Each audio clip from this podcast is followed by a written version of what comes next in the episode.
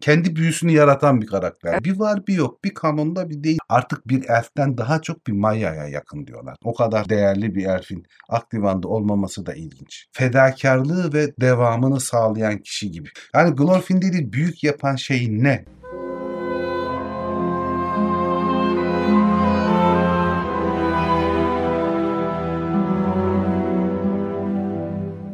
Merhaba Cem. Merhaba Dilek. Zafer abi kızıyor da patrona selam vermiyor musun diye. O yüzden ilk başta Adam pragmatik adam biliyorum. Evet. Merhaba Zafer abi. Merhaba Dilek. Zafer abi bu hafta karakterler serisinde Lotur filminde olmaması ile ilgili en çok spekülasyon yaratılan karakterlerden bir tanesini işliyoruz. Nedense benim de çok merak ettiğim bir karakter ama aynı zamanda hakkında çok fazla şey biliyormuşum gibi gelen bir karakter. Evet, Glorfindel abimizi anlatacağız. Evet, Glorfindel'i anlatacağız. Sen merak ediyor musun bu bölümde anlatılacakları? Glorfindel mi? Glorfindel benim sonradan tanıdığım çok efsane bir karaktermiş. Zafer abi şimdi onu süper anlatır. Şimdi Glorfindel'in detaylarını öğrenince abi Tulkasçı olmayı bırakacak biliyorsun değil mi? Belki de bilemiyorum olabilir. Tabii ben şimdi ama ayırıyorum abi. Ama Valar Valla kısmını Tulkasçı, E, elflerden işte. Yani şöyle mi dövüşe gidersem Tulkas'ı alırım. şimdi Vala'yla takılırsam Tulkas'ta takılırım. Evet Ki genelde öyle yaparım. Yani. kesin. ama elflerle de oturacak muhabbet edecek olsam yani büyük favorim diyeyim Glorfindel. Zafer abinin Kirdan hala. Tabii. Ha bir Evet. de buradan şey çıkmasın. Ben çok dövüşü seven bir adam.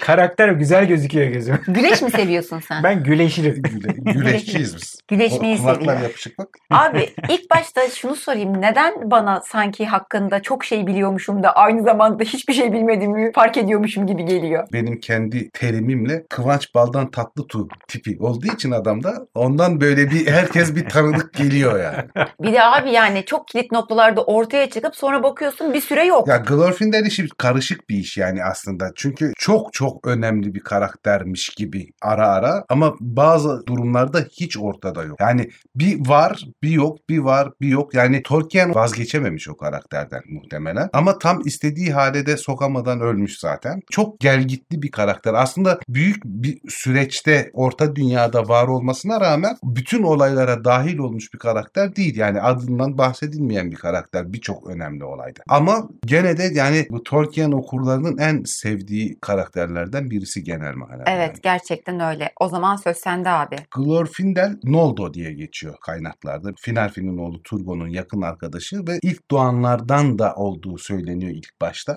Daha sonra ağaçların çağında Valinor'da dünyaya geldiği de söyleniyor. Ve ikincisi daha doğru herhalde. Ağaçların çağında doğuyor. Turgon'la çok yakın arkadaşlar zaten ve beraber Valinor'da da takılıyorlar. Nasıl Galadriel kadınlar arasında parlıyor ve dikkat çekiyorsa fiziksel olarak bir erkek olarak da şey Glorfindel çok fazla fiziksel e, güzelliğiyle de Göze belirgin çarpıyor. bir hale geliyor. Yalnız şöyle bir durum var. Bütün bunlara rağmen ne ölene kadar ne de ölümden döndükten sonra bir kadınla birlikte değil ve şeyi de yok. Yani dedikodusal olarak bile bir aşkı da yok, evliliği de yok ve doğal olarak çocuğu da yok. Kirdan'ın da yoktu. Kirdan'ın da yok. Kirdan ama şeydir, münzevidir zaten. Hani o kendi bölgesinde görevine kendini adamış bir kişidir. O yüzden hani Kirdan'da daha normal geliyor ama hani bu kadar çok fark edilen, yani fiziğiyle bu kadar fark edilen birisinin evlenmemiş olması ilginç. Sarı saçları vardı değil mi? Sarı saçlı zaten adının anlamı da altın örgülü saç demek. Onun Kuyenyacası Lorefindel altın saç demek. Altın saçlı anlamına geliyor adının anlamı da. İşte Feanor isyanı Valinor'dan Noldor'un göç etmesi sırasında Turgon'u kıramadığı için, Turgon gittiği için o da Turgon'un yanında hareket ediyor ve Turgon'la beraber Fingolfin hanedanının yanında devam ediyor şeye yolculuğa. Ama kendisi aslında gitme taraftarı değil. Yani ona şey kalsa sadece ya da Turgon'dan ayrılabilse falan o Valinor'da kalmayı tercih edecek bir yer. Çok büyük bir savaşçı. Önemli bir lider ve kahramanlardan biri aslında potansiyel olarak. Turgon'la beraber devam ediyorlar ama mesela şeydi birinci akraba katliamına katılmıyor.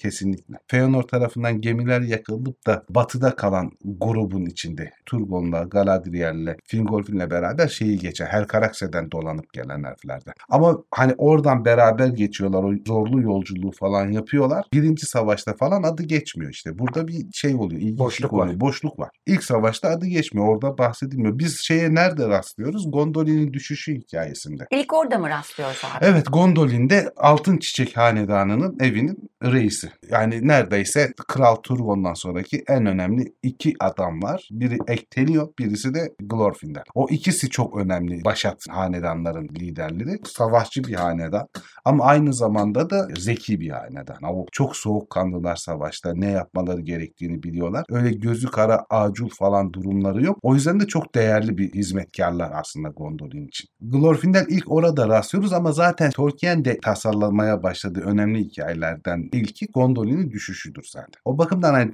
çok erken zamanda Glorfindel karakteri var Tolkien'in kafasında. İşte bu kayıp masallarda falan anlatılır. Daha detaylı falan Gondolin'in düşüşü. Sonra Gondolin'in düşüşü de malumun ayrı bir kitap olarak da çıktı zaten. Evet. Yapıldı, hazırlandı. Orada rastlıyoruz. Orada çok önemli. İşte Gondolin'in düşüşü savaşı sırasında büyük kahramanlıklar gösteriyor. Çok önemli bir karakter haline geliyor. Çok ciddi bir şey yararlılıkları falan var. Balroglar var orada bayağı çok sayıda.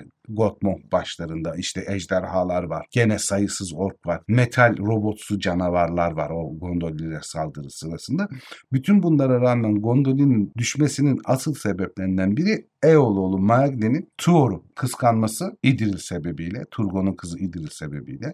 Çünkü İdril'e aşık Magne ama Kız karşılık yani. alamıyor. Ve Tuor'la evlenince çok fazla hiddetleniyor. Melkor'a savunmanın nasıl olduğu, kapıların ne olduğu, kapılarından nasıl geçilebileceği, duvarların nasıl yıkılabileceğini, şehrin çok ciddi nasıl istila edilebileceğini, nasıl bir kuvvet gerektiği, nasıl bir saldırı şekliyle baş edilebileceğini falan her şeyi anlatmış oluyor. Burada kilit noktalardan biri İdril'in ve Tuor'un öngörüsüyle, yani bura elinde sonunda düşecek onu bilmeleriyle Ulmo'nun ona görünüp söylemesiyle gizli bir geçit yapmaları kaçmak için bir yol yapmaları. Savaş sırasında Ectelion ve e, Glorfindel aslında çok ciddi bir savunma yapıyor hanedan olarak ve o hanedanlar onların ilerlemesini, Melkor ordularının çok içeriye girmesini belli bir süre tutuyorlar ama bir ejderha gelince pazar yeri bölgesine ejderha bunların kuvvetlerini geri itmeye başlıyor. O sırada Gottmog da geliyor, Pınarlar bölgesine geliyor yani. Orada çok ciddi savaş yapılıyor. Hatta kendini feda ederek Ectelion da şey yapıyor. Gottmog'la beraber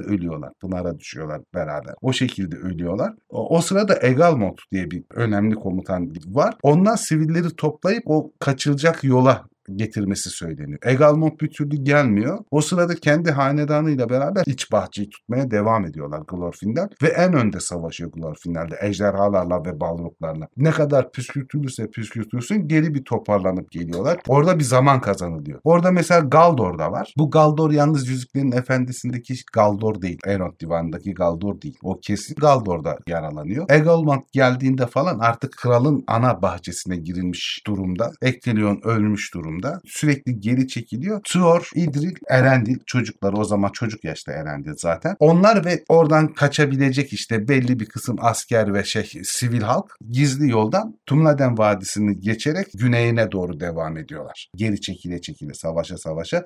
O sırada bunlar şehirden çıktıktan sonra Turgon'un ölümünü de öğreniyorlar. Krit Toronat diye dar bir geçit var iki dağ arasında. Böyle neredeyse tek kişinin geçebileceği bir bağlantı köprüsü gibi. Krit Toronat'ta da Balrog çıkıyor karşılarına ama Altın Çiçek Hanedanı'ndan kalanlarla Glorfindel grubun en arkasındalar. Yani onlar cephedeler hala. En dıştan saldırıyı onlar karşılıyorlar diğerleri hızla giderken. Kuruyorlar bir yerde. Çok kahramanlar ve çok iyi savaşçılar. Balroglarla beraber orklar da o köprünün başında beliriyorlar. Birden karşılarına çıkıyorlar. O sırada kartallar geliyor Torondor'un kartallar, kuzey kartalları geliyor. Orklar meselesini kartallar hallediyor ama Balrog bunların üstüne doğru gelmeye başlıyor. Glorfindel öne atlıyor ve Balrog'la birebir savaşmaya başlıyor. Artık birbirlerine iyice yaklaşıyorlar falan o elindeki kılıcı ya da hançeri Balrog'a saplarken falan Balrog o kadar iri bir yaratık ki onun göbeğine geldiği söyleniyor Glorfindel'in. Balrog. Ama bir şekilde o yaralamadan falan dolayı karşılıklı birbirlerinin dengelerini kaybettirip Kritoranat'tan aşağı düşüyorlar ve kayalara çarparak ölüyorlar. Balrog'u da öldürmüş oluyor ama Idril, Tuor ve Erendil'i ve geri kalan sivil halkı Glorfindel'in bu fedakarlığı sayesinde kurtulmuş oluyor. Kriton'dan düşüp Balrog'la beraber öldüğünde Torondor onu o düştüğü yerden Hmm. cesedini alıyor. Oraya böyle alelacele bir mezar yapıyorlar köprünün oraya. Üstünde altın rengi sarı çiçekler oluyor zaman içinde ve Torondor ve Kuzey Kartalları oraya orklar ya da kötü yaratıklar gelmesin diye orayı her zaman kolluyorlar. Yani özel bir mezarı oluyor orada da bedeni Hmm. orada kalmış oluyor. Glorfindel olmasa oradan kurtulamayacaklar. Yani o. Balrog Balrog'la şey yapılamaz. Yalnız şöyle bir detay vereyim. Mesela bu hikayeler ilk yazıldığında Gondolin'in düşüşü sırasında falan çok sayıda Balrog var. Balrog'lar Gandalf'ın savaştığı 3. çağda tarif edilen anlatılan Balrog gibi değiller o zaman. Devasa cüsseli, çok korkunç yaratıklar. Ama işte yani meleksilikten düşmüş, anormal büyük kuvvetleri olan Gandalf'ın savaştığı 11 gün sürüyor Gandalf'ın savaşı da zaten öldürene kadar. Hani Gandalf 11 günde öldürüyor. İstari'de bir tane elf nasıl hemen onu öldürüyor hikayesi diye bir şey düşünülmez arkadaşlar. Oradaki Balrog tarifiyle 3. çağdaki Balrog tarifi farklı. Hani Hmm. o 3. çağda bahsedilen Balrog tarifi çok çok daha büyük bir yaratık. Ama yine de teoride Balrog öldüren, Balrog çok kapışan, tabii. birebir de kapışan Tabii. üç kişiden bir tanesi. Ektelion Ektelion, var. Gandalf. Var. Bir de Ektelion. Baldroglar. Gottmong'u öldürüyor. O, Gottmong, o- babasını götürüyor. E Bir de- Şeyde savaşlarda işte Feanor'da Balroglarla savaşıyor. Huor'da savaşır. Hatta Hmm. öldürür falan. Var Birebir mi onlarda? Tabii yani Balroglar çeviriyor. Hatta şey işte 70 kez falan Balroglara Hmm. baltasını saplar falan hikayesi vardır yani. Ama hani o birinci çağda bahsedilen Balroglar daha güçsüzler. Üçüncü çağdaki bahsedilen Balroglara göre her halükarda. Ama tabii bir insana elfe göre anormal bir durum tabii. Birebir kapışıp da onları öldürmeleri gene de korkunç bir yetenek ve savaş bilgisi. Güç Şey bir diyebilir şey. miyiz Zafer abi? Yani evrimleştirmiş Tolkien. Evet, Üçüncü evet. çağda daha böyle büyük bir yaratığa, daha güçlü bir yaratığa çevirmiş. Aynen öyle. Gandalf'la kapışacak diyedir belki. Yani ya da hani o Belki de. efsaneyi hissettirebilmek adına hani Balrog öte dünyadan gelen eski çağlardan kalan yaratık falan. Hmm. Belki de bütün o üç çağ boyunca kendini geliştirdi. On binlerce yıl şeyde kalıyor Moria'nın altında kalıyor yani. Öldükten sonra diğer ölen elflerle beraber kaderi öyle olduğu için Mandos salonlarına gidiyor. Mandos salonlarında gününü beklerken Man ve Glorfindel'in yani çok büyük bir fedakarlık yaptığını, çok önemli bir kahraman olduğunu, akraba katliamına hiç katılmadığını, zaten gönüllü olarak da gitmediğini, arkadaşının hatırına orta dünyaya geçtiğini falan bildiği için İlivatar'dan onu tekrar hayata döndürmek için izin istiyor. Planlı programlı bir izin bu değil Evet mi yani abi? manve istiyor yani talep ediyor İlivatar'dan böyle bir şey yapabilir miyiz? Yani Glorfindel'in kendi isteği bir talebi yok, Yok. bunda. Manve'nin kararı bu. Çünkü daha önce Beren Lúthien hikayesinde onların özel isteği Evet. vardı. Bireysel bir istekti Evet. onlarınki daha çok. Bu şey Manve'nin kendisi istiyor ama şöyle de bir durum var. Manve orta dünyadan haberdar. Yani birilerine ihtiyaç duyacağını biliyor o gelişen kötülük karşısında. Kimi hikayelerde ikinci çağ 1000, kimi hikayelerde 1200 ama en son karar verilen 1600, ikinci çağ 1600 yılında Glorfindel hani ölümden döndükten sonra bir bin yıl kadar falan herhalde 1000-1500 yıl kadar Valinor'da yaşamaya devam ediyor ölümden döndükten sonra. Direkt ölümden döndürülüp orta dünyaya gönderilmiyor. İkinci çağ 1600'de orta dünyaya gönderiliyor. Yalnız ölümden döndükten sonra tıpkı Gandalf'ın ölümden döndükten sonra güçlerinin anormal artması gibi artık bir elften daha çok bir Maya'ya yakın diyorlar Glorfindel için. Çünkü ölümden döndüğü için o Right evreni dediğimiz ara geçiş evreninden de haberi var. Yani Nazgüllerle aynı boyutta da yaşıyor. O boyutun da bir yaratığı. Normal dünyanın da bir yaratığı Glorfindel. Ama fizik görünüş aynı. Aynı. Ama şeyde diğer şeyde tamamen bir ışık olarak gözüküyor. Yani nurani bir şekilde gözüküyor. Frodo'nun işte onu görmesi bir ışık olarak görüyor. Çünkü Frodo da yaralanıp artık soluklaşmaya başladığı için ve yüzük taşıyıcısı olduğu için o da Right evreninde bir ayağı hatta o tarafa daha yakın artık. Hayaletimsi olmaya yakın yaradan dolayı. O mesela beni bir ışık kurtardı diye anlatıyor Gandalf'a. O da Glorfindel olduğunu söylüyor. Doğru. Çünkü Glorfindel de ölümden dönmüş birisi. İkinci çağ 1600'de gittiğini kabul edersek ki Christopher Tolkien öyle olmasının daha doğru olduğunu söylüyor. O zaman ne oluyor? Barad-dûr Kulesi tamamlanmış. Yüzük savaşları başlıyor. Artık tek yüzük dövülmüş, üç yüzük dövülmüş. Güç yüzükleri tamamlanmış. Bir saldırı altında gene şeyler, elfler. İşte Gil-galad, Elrond ve özellikle tabii Celebrimbor. Tam o sıralarda geri dönmüş olması gerekir. Hatta şey oluyor işte Celebrimbor tamamen yok edilip Gilgalad'ın kapılarına dayandıklarında, Kirden kapılarına dayandıklarında bir kısmı Ayrık Vadi'ye kadar takip ediyor. Şey Ayrık Vadi'nin kurulduğu zamanlar zaten o sırada. Oradaki saldırıyı önleyenlerden birinin Glorfindel olduğu söyleniyor. Ondan sonra da Orta Dünya'daki mekanı aslında Glorfindel'in Ayrık Vadi. Elrond'un bir şekilde sağ kolu gibi, danışmanı gibi falan oluyor. Orada şöyle ilginç bir hiyerarşi var. Orada da bence bir mesele var. Şöyle ki Glorfindel Elrond'dan daha yaşlı. Ölümden döndüğü için aslen daha üst bir görüye sahip birisi falan.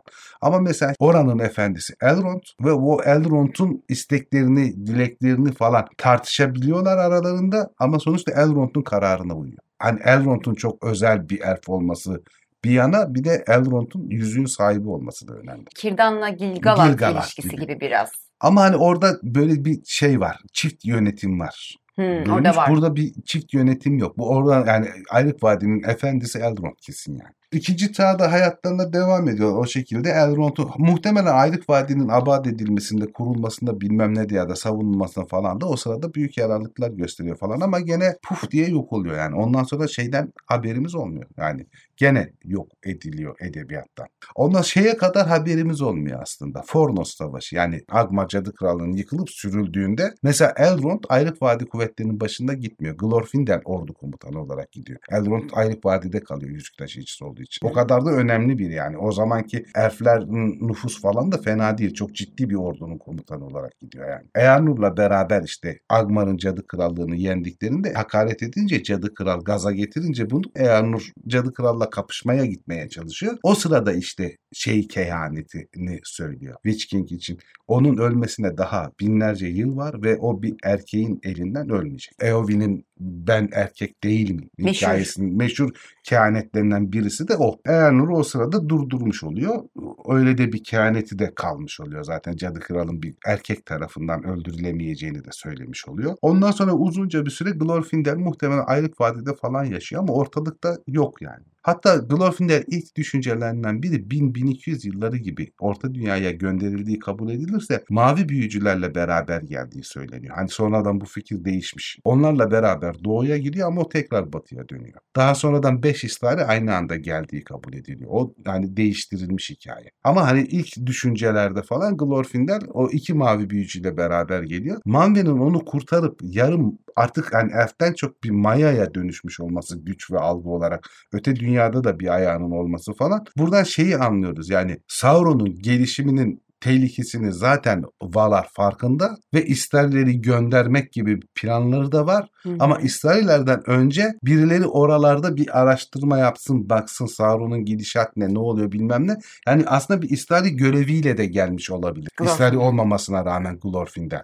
Ha, oraları git toparla bak bir, bir bilgimiz olsun bilmem ne diye de gönderilmiş olabilir. Ölümden döndürülmüş olabilir. Benim en çok dikkatimi çeken şey neden Akdivan'da yok? Evet Yok. yani mesela o da bir önemli soru aslında. Yani o kadar yüce bir elfin, o kadar değerli bir elfin Akdivan'da olmaması da ilginç. O sırada belki de kanondan çıkartıyor. Tolkien zihninde çıkartıyor. Yazıldığı yani. dönemle alakalı Ha, bir yani şey diyorsun. O yani. sırada çıkartıyor belki de ama dediğim gibi Glorfindel karakterinden hayatı boyunca hiç Bir vazgeçmiyor. gizem de var yani hep. Ölmeden şey yapıyor zaten böyle bir ay kadar önce falan Christopher Tolkien'e iki tane makale yazıyor. Bu People of Middle-earth kitabında vardır. İki makalede de şey sorusuna net bir şekilde cevap veriyor. Gondolin'deki Glorfindel'le Aylık Hı. Vadi'deki Elrond Divan'daki Glorfindel aynı kişi midir, farklı kişi midir diye. İki makalede de açıklıyor. Onlar aynı kişidir. Galdor aynı kişi değildir ama Glorfindel o Glorfindel'dir diye kendisi net olarak söylüyor. Yani tarihte diyor bir tane Glorfindel var zaten. Hani kimi elf isimlerini tekrar kullandım edebiyatımda. Hani birinci çağda Legolas da var mesela. Legolas ama şeydeki bizim üçüncü çağda tanıdığımız Taranduil'in oğlu Legolas değil. Gondolin'in düşüşünde ölen elflerden biri de Legolas. Ama hani o o kadar öne çıkmıyor. Glorfindel diyor o kadar değerli, o kadar yüceltilmiş bir hale geliyor ki diyor. Başka bir adlı bir Glorfindel yaratmak bariz bir hata olurdu edebi teknik açısından. O yüzden diyor aynı kişi olduklarını net olarak söyleyebilirim diyor. Arkadaşların böyle bir düşüncesi varsa ikisi ayrı mı diye yok. Yani Tolkien tarafından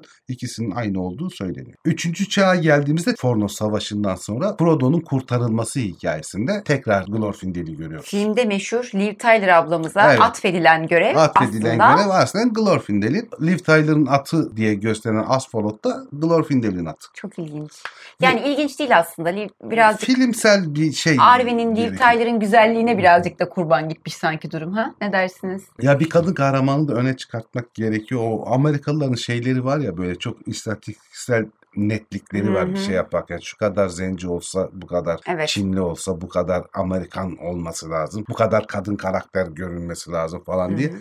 Bunlar bayağı ciddi ciddi şeyleri var. Hani baremleri var. Onu tutturuyorlar yani. Ama abi şimdi. 70'lerdeki çizgi filminde de Legolas orada Frodo'yu kurtaran. Orada şöyle bir durum var. Mesela aslen Tolkien düşüncesi Legolas diye bir öne çıkan kahraman olmayacak. Legolas'ın yerindeki adam Glorfindel olacak. Daha sonradan Glorfindel fikrinden vazgeçip Legolas diye bir karakteri ön plana çıkarıyor. Yani Yüzük Kardeşliğindeki elf kahraman aslında Legolas değil Glorfindel olacak. Sonra vazgeçiyor. Bunu da çok mantıklı bir şekilde kanonda açıklıyor. Yani Glorfindel de yüzük görevine, yüzük kardeşine katılmaya gönüllü oluyor. Gandalf diyor ki sen öyle bir canlısın ki artık diyor. Yani güneş gibi parlıyorsun. Bu görev özellikle gizlilik gerektiriyor. Farkındalık yaratmadan halletmemiz gereken bir şey. Tek şansımız bu. Sen diyor bu kafilede olursan diyor herkesin haberi olur zaten. Ama zaten Glorfindel'in hayatında yaptığı 3-4 tane önemli mesele var. Yani gerçekleştirdiği. Bir tanesi Nazgüllerin elinden onu. Frodo'yu kurtarması. Ama hakkında yapılmış iki tane biri çizgi filmde biri normal filmde iki filmde de ona atfedilmemiş. Birinde Legolas birinde Arwen yapıyor. Hani Arwen'inki şey yani o Kadın olmasından kadın olması hani kaynaklı. ö- ne derler o karakterin öne çıkartılması açısından önemli. E diğeri de şey herhalde genel kanuna uymak açısından olabilir. Hani Belki de. Legolas'la devam edelim. Glorfindel'i hiç işin içine katmayalım Katmayalım diye. olabilirler. Ha şöyle bir durum var. Mesela Glorfindel yüzük tayflarından korkmuyor. Hı hı. Gerçi Glorfindel'le beraber şeyler de yüzük tayflarından diğerleri gibi korkmuyor. Elf bilgeleri dediklerimiz. Galadriel'in de böyle bir korkusu yok. Çünkü onlar elf tayflarının olduğu diğer boyuttan da haberleri olan, diğer boyutu da görebilenler. Elf bilgelerinin sayısı 3. çağda zaten çok az. İşte Galdor var, Kirdan'ın adamı. Gildar Ignarion var. Tek Nazgül'ü bunu görünce topukluyor. Sam, Frodo falan daha Hı yolculuğun başında Nazgül tarafından takip Şey, edilirken Frodo'yu elf dostu ilan Elf dostu ilan eder. Elrond öyle bir korkusu yok bir Nazgül'le karşılaşırım mahvolurum falan diye. Celeborn o da Hı hı. mesela elf bilgelerinden birisi. Hani hep hanımın gölgesinde kalmış bir adam gibi duruyor ama o da Evet. elf bilgelerinden birisi yani. Bu arada bir ara soru olarak gelmiş. Ya hep Galadriel'den bahsediyorlar. Bunun işte kocası hiçbir iş yapmıyor mu diye. Her başarılı kadının arkasında. Tam tersi olacak abi. ha öyle mi? Pardon. Onu başarılı Sizin de göster- arkanızda benim olduğum gibi. Ya o şöyle olabilir yalnız Dilek yani her başarılı kadının arkasında onun başarılı olduğunu e, Söyleyen. söyleyen bir erkek vardır. her başarılı erkeğin arkasında da onun daha çok başarılı olmamasını sağlayan bir kadın vardır. şaka şaka kadınlar sayesinde başarılıyız yani. Herhalde. Aman. Erkek lincinden korkmuyorum da kadın linci çok çok korkutucu. Abi zaten yüzde bir izleyicimiz var kadın. Lütfen. Onları da kaçıracaksınız zaten. Aynen. Ha, Yok şaka yaptım. Elrond tarafından zaten Frodo'yu ve yüzüğü geri getirmesi için gönderilenlerden birisi. Nazgüllerden korkmayanlardan. Nazgüller de bunun gücünün falan o kadar farkında ki beşi bir aradayken bile direkt olarak şeye saldıramıyorlar. Glorfindel'e saldıramıyorlar. Hı Yani. hı. Elrond divanı sırasında da çok önemlidir. İşte Tom Bombadil meselesini konuşurken bilgece öğütler verir. Yüzüğün okyanusa atılmasının olasılığı üstüne konuşurken böyle bir öneri getir. Acaba yüzüğü okyanusa mı atsak falan. Onda da Gandalf gene çok doğru bir şey karşı fikirle gelir. Hani tamam hani götürelim yüzüğü denizin ortasına atalım hani kıyıdan iyice uzaklaşıp. Ama yüzük var olduğu sürece Sauron yok olmayacağı için ve sonsuz bir hayata da sahip olduğu için yüzük yok olmadan kendisi yok olmayacağı için sadece zaman kazanırız. Elinde sonunda o yüzük okyanusun ortasında da olsa bir şekilde kendini orta dünyaya getirmeyi sağlar ve Sauron'un eline geçer. Zaman kazanmak değil biz kötülüğü yok etmek istiyoruz da Glorfindel de bunun doğru olduğunu kabul eder. Ondan sonra işte yüzük kardeşi kurulup Mordor'a götürüp Orodruin'e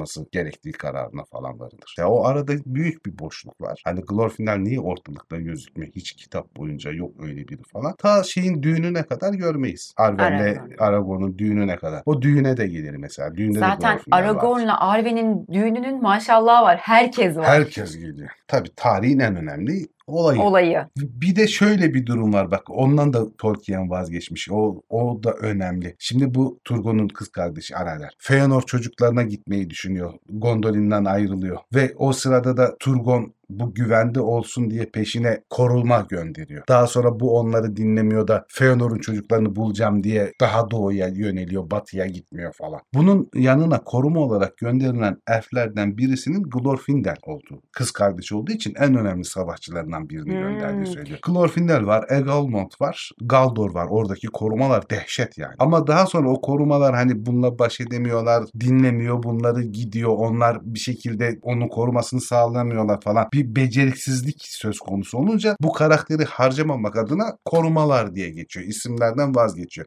Yani Glorfindel'i, Egalmont'u falan oraya göndermemiş kabul ediyor. Çünkü oraya gönderse aslında ara deli korumaları gerekir. Yani yoksa kendi statülerinden kaybetmiş olurlar diye fikirden vazgeçiyor. Glorfindel onunla beraber gitmiyor daha sonraki hikayede. Benim ilgimi çeken durumlardan biri de şu mesela. ikinci çağın sonundaki Son İttifak Savaşı'nda bir iki yerde Glorfindel'in de savaşa dahil olduğunu söylüyorlar işte Elendil Melendil. Ama o savaş sırasında hiç bahsedilmiyor. Oysa Glorfindel'in o savaşa dahil olduğu söyleniyor. O savaşa dahil olduğu doğruysa ki hani öyle de geçiyor birkaç yerde o zaman çok belirgin bir hizmet yapması gerekirmiş gibi geliyor genel hikaye mantığına baktığımız zaman. Birkaç yerde derken Tolkien'in kendi Tolkien'in yazdıklarında değil. Değil. Araştırmacı orada var. zaten Ayrık Vadide yaşıyor. O zaman oraya gitmiş olması gerekir hikayesi var. Son İttifak Savaşı'nda da Glorfindel'den özel olarak bahsedilmiyor. Mesela işte Kirdan'la Elrond Isildur'u daha yüzüğü atsın diye götüren, sıkıştıran kişiler. E, Ya, Elendil'le aynen. Gilgalad orada ölüyor. Hani Glorfindel'in de aslında hani bunlar dalmışken Sauron'a dalmaması ilginç tabii yani orada karanlıkta. O kadar kuvvetli adam ama götürmez misin? Bir de hani komutan adam hani şey de değil yani sadece kuvvet de değil adam büyük ordu komutanı yani Aynen. o, o kaçırılacak iş değil yani. Ama mesela orada da yok. Yani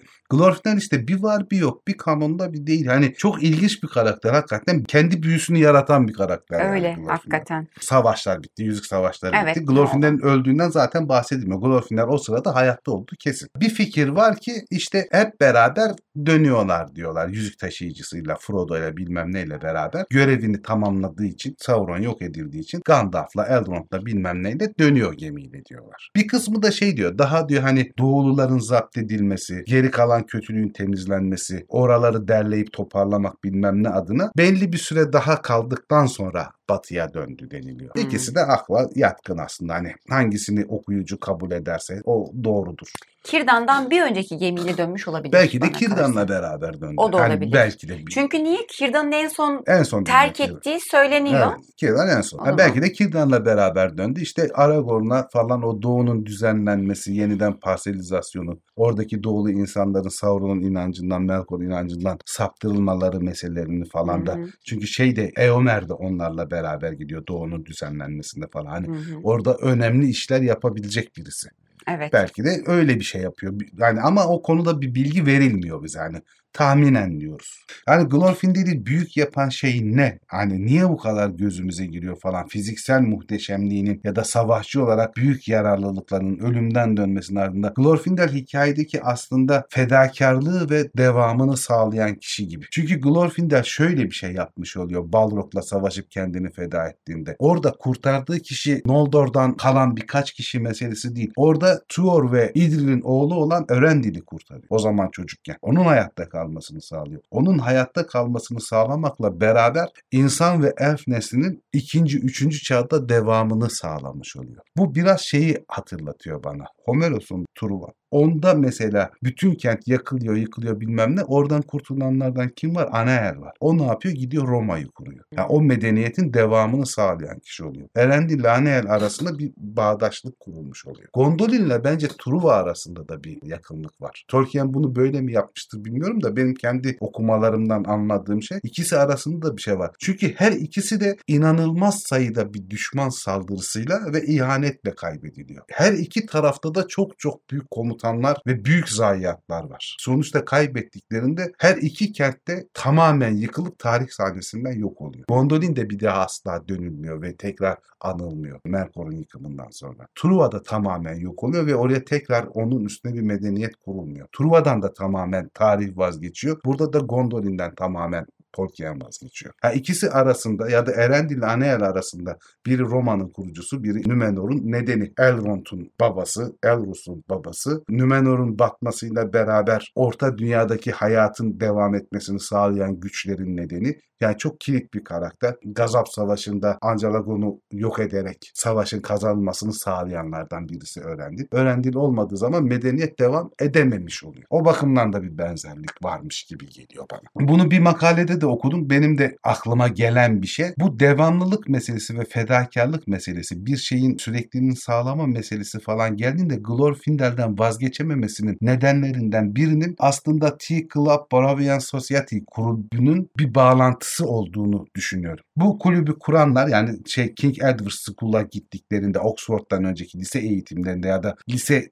bir tık üstü eğitimlerinde arkadaşları var Tolkien'in çay kulübünü kuranlar. Oradaki muhabbetleri de şu diğer arkadaşlarıyla beraber. İngiltere'ye ait bir mitoloji yaratmamız lazım. İngiltere'nin kökenlerini oluşturmamız lazım. Bizim millet olarak böyle bir eksikliğimiz var meselesidir. Ve Tolkien de bunların en çok güvendiği adamlardan birisi bu edebiyat ve yazım konusunda. Bu durum çok etkileyici değil mi ya? Lise çağındaki gençlerin böyle bir şeye baş Yani, koymuş olmaları evet. ki gerçekleştirmiş bir yerde de. Gerçek- bir yere kadar Hayal de değil gerçekleştirmiş tabii. Bunların arasında Rob Gilson var, Geoffrey Bach Smith var, Christopher Wiseman var ve Tolkien var. Daha kalabalık bir grup bu ama demirbaşları ve kurucuları bunlar. Ve bunların hepsi Birinci Dünya Savaşı'na katılıyor. Tolkien dahil. 1915 yılında Rob Gibson ölüyor savaşta, Hmm. cephede ölüyor. Bunun haberini de Bach Smith Tolkien'e mektup yazarak iletiyor. Ve Tolkien de ona cevaben gene cepheden yazdı mektup diyor ki bu diyor çay kulübü diyor artık diyor yeniden olamayacak. Biz bu mitolojiyi yazamayacağız ve bir daha birlikte olamayacağımızı hissediyorum diyor. O da diyor ki ben hayattayken sen hayattayken ve Wiseman diğer dördüncü arkadaşlar hayattayken biz bu fikirden vazgeçemeyiz. Fikirler ölmez diyor. Ölümden dönmüşüz gibi yazmamız gerekiyor diyor. Birilerimiz ölse bile diyor diğerleri diyor onun ölümden döndüğü haliymiş gibi devam etmek zorunda. Ve en çok da diyor bu konuda sana güveniyoruz. Sen yazabilirsin bunu. Ben de diyor bir savaşta ölebilirim. Wiseman da ölebilir. Ama sen hayattaysan diyor bu şey devam eder. Biz hepimiz ölümden dönmüşüz de seninle birlikteymişiz gibi. Bunu diyor vazgeçmeden yazman lazım. Daha sonra 1916'da da Smith'in ölüm haberi geliyor. Bunu da Wiseman bildiriyor. Ve Tolkien için çok ciddi bir yıkım oluyor bu. Rob Gilson'ın babası bu King Edward School'un da zaten müdürü. Tolkien'i filolojiye yönlendiren, İngiliz dili ve edebiyatına yönlendiren, Anglo-Sakson kültürüne yönlendiren adam. Tolkien muhtemeldir ki oradaki arkadaşlığın mektuplarından falan Glorfindel'den vazgeçmeme nedeni olarak da belki de o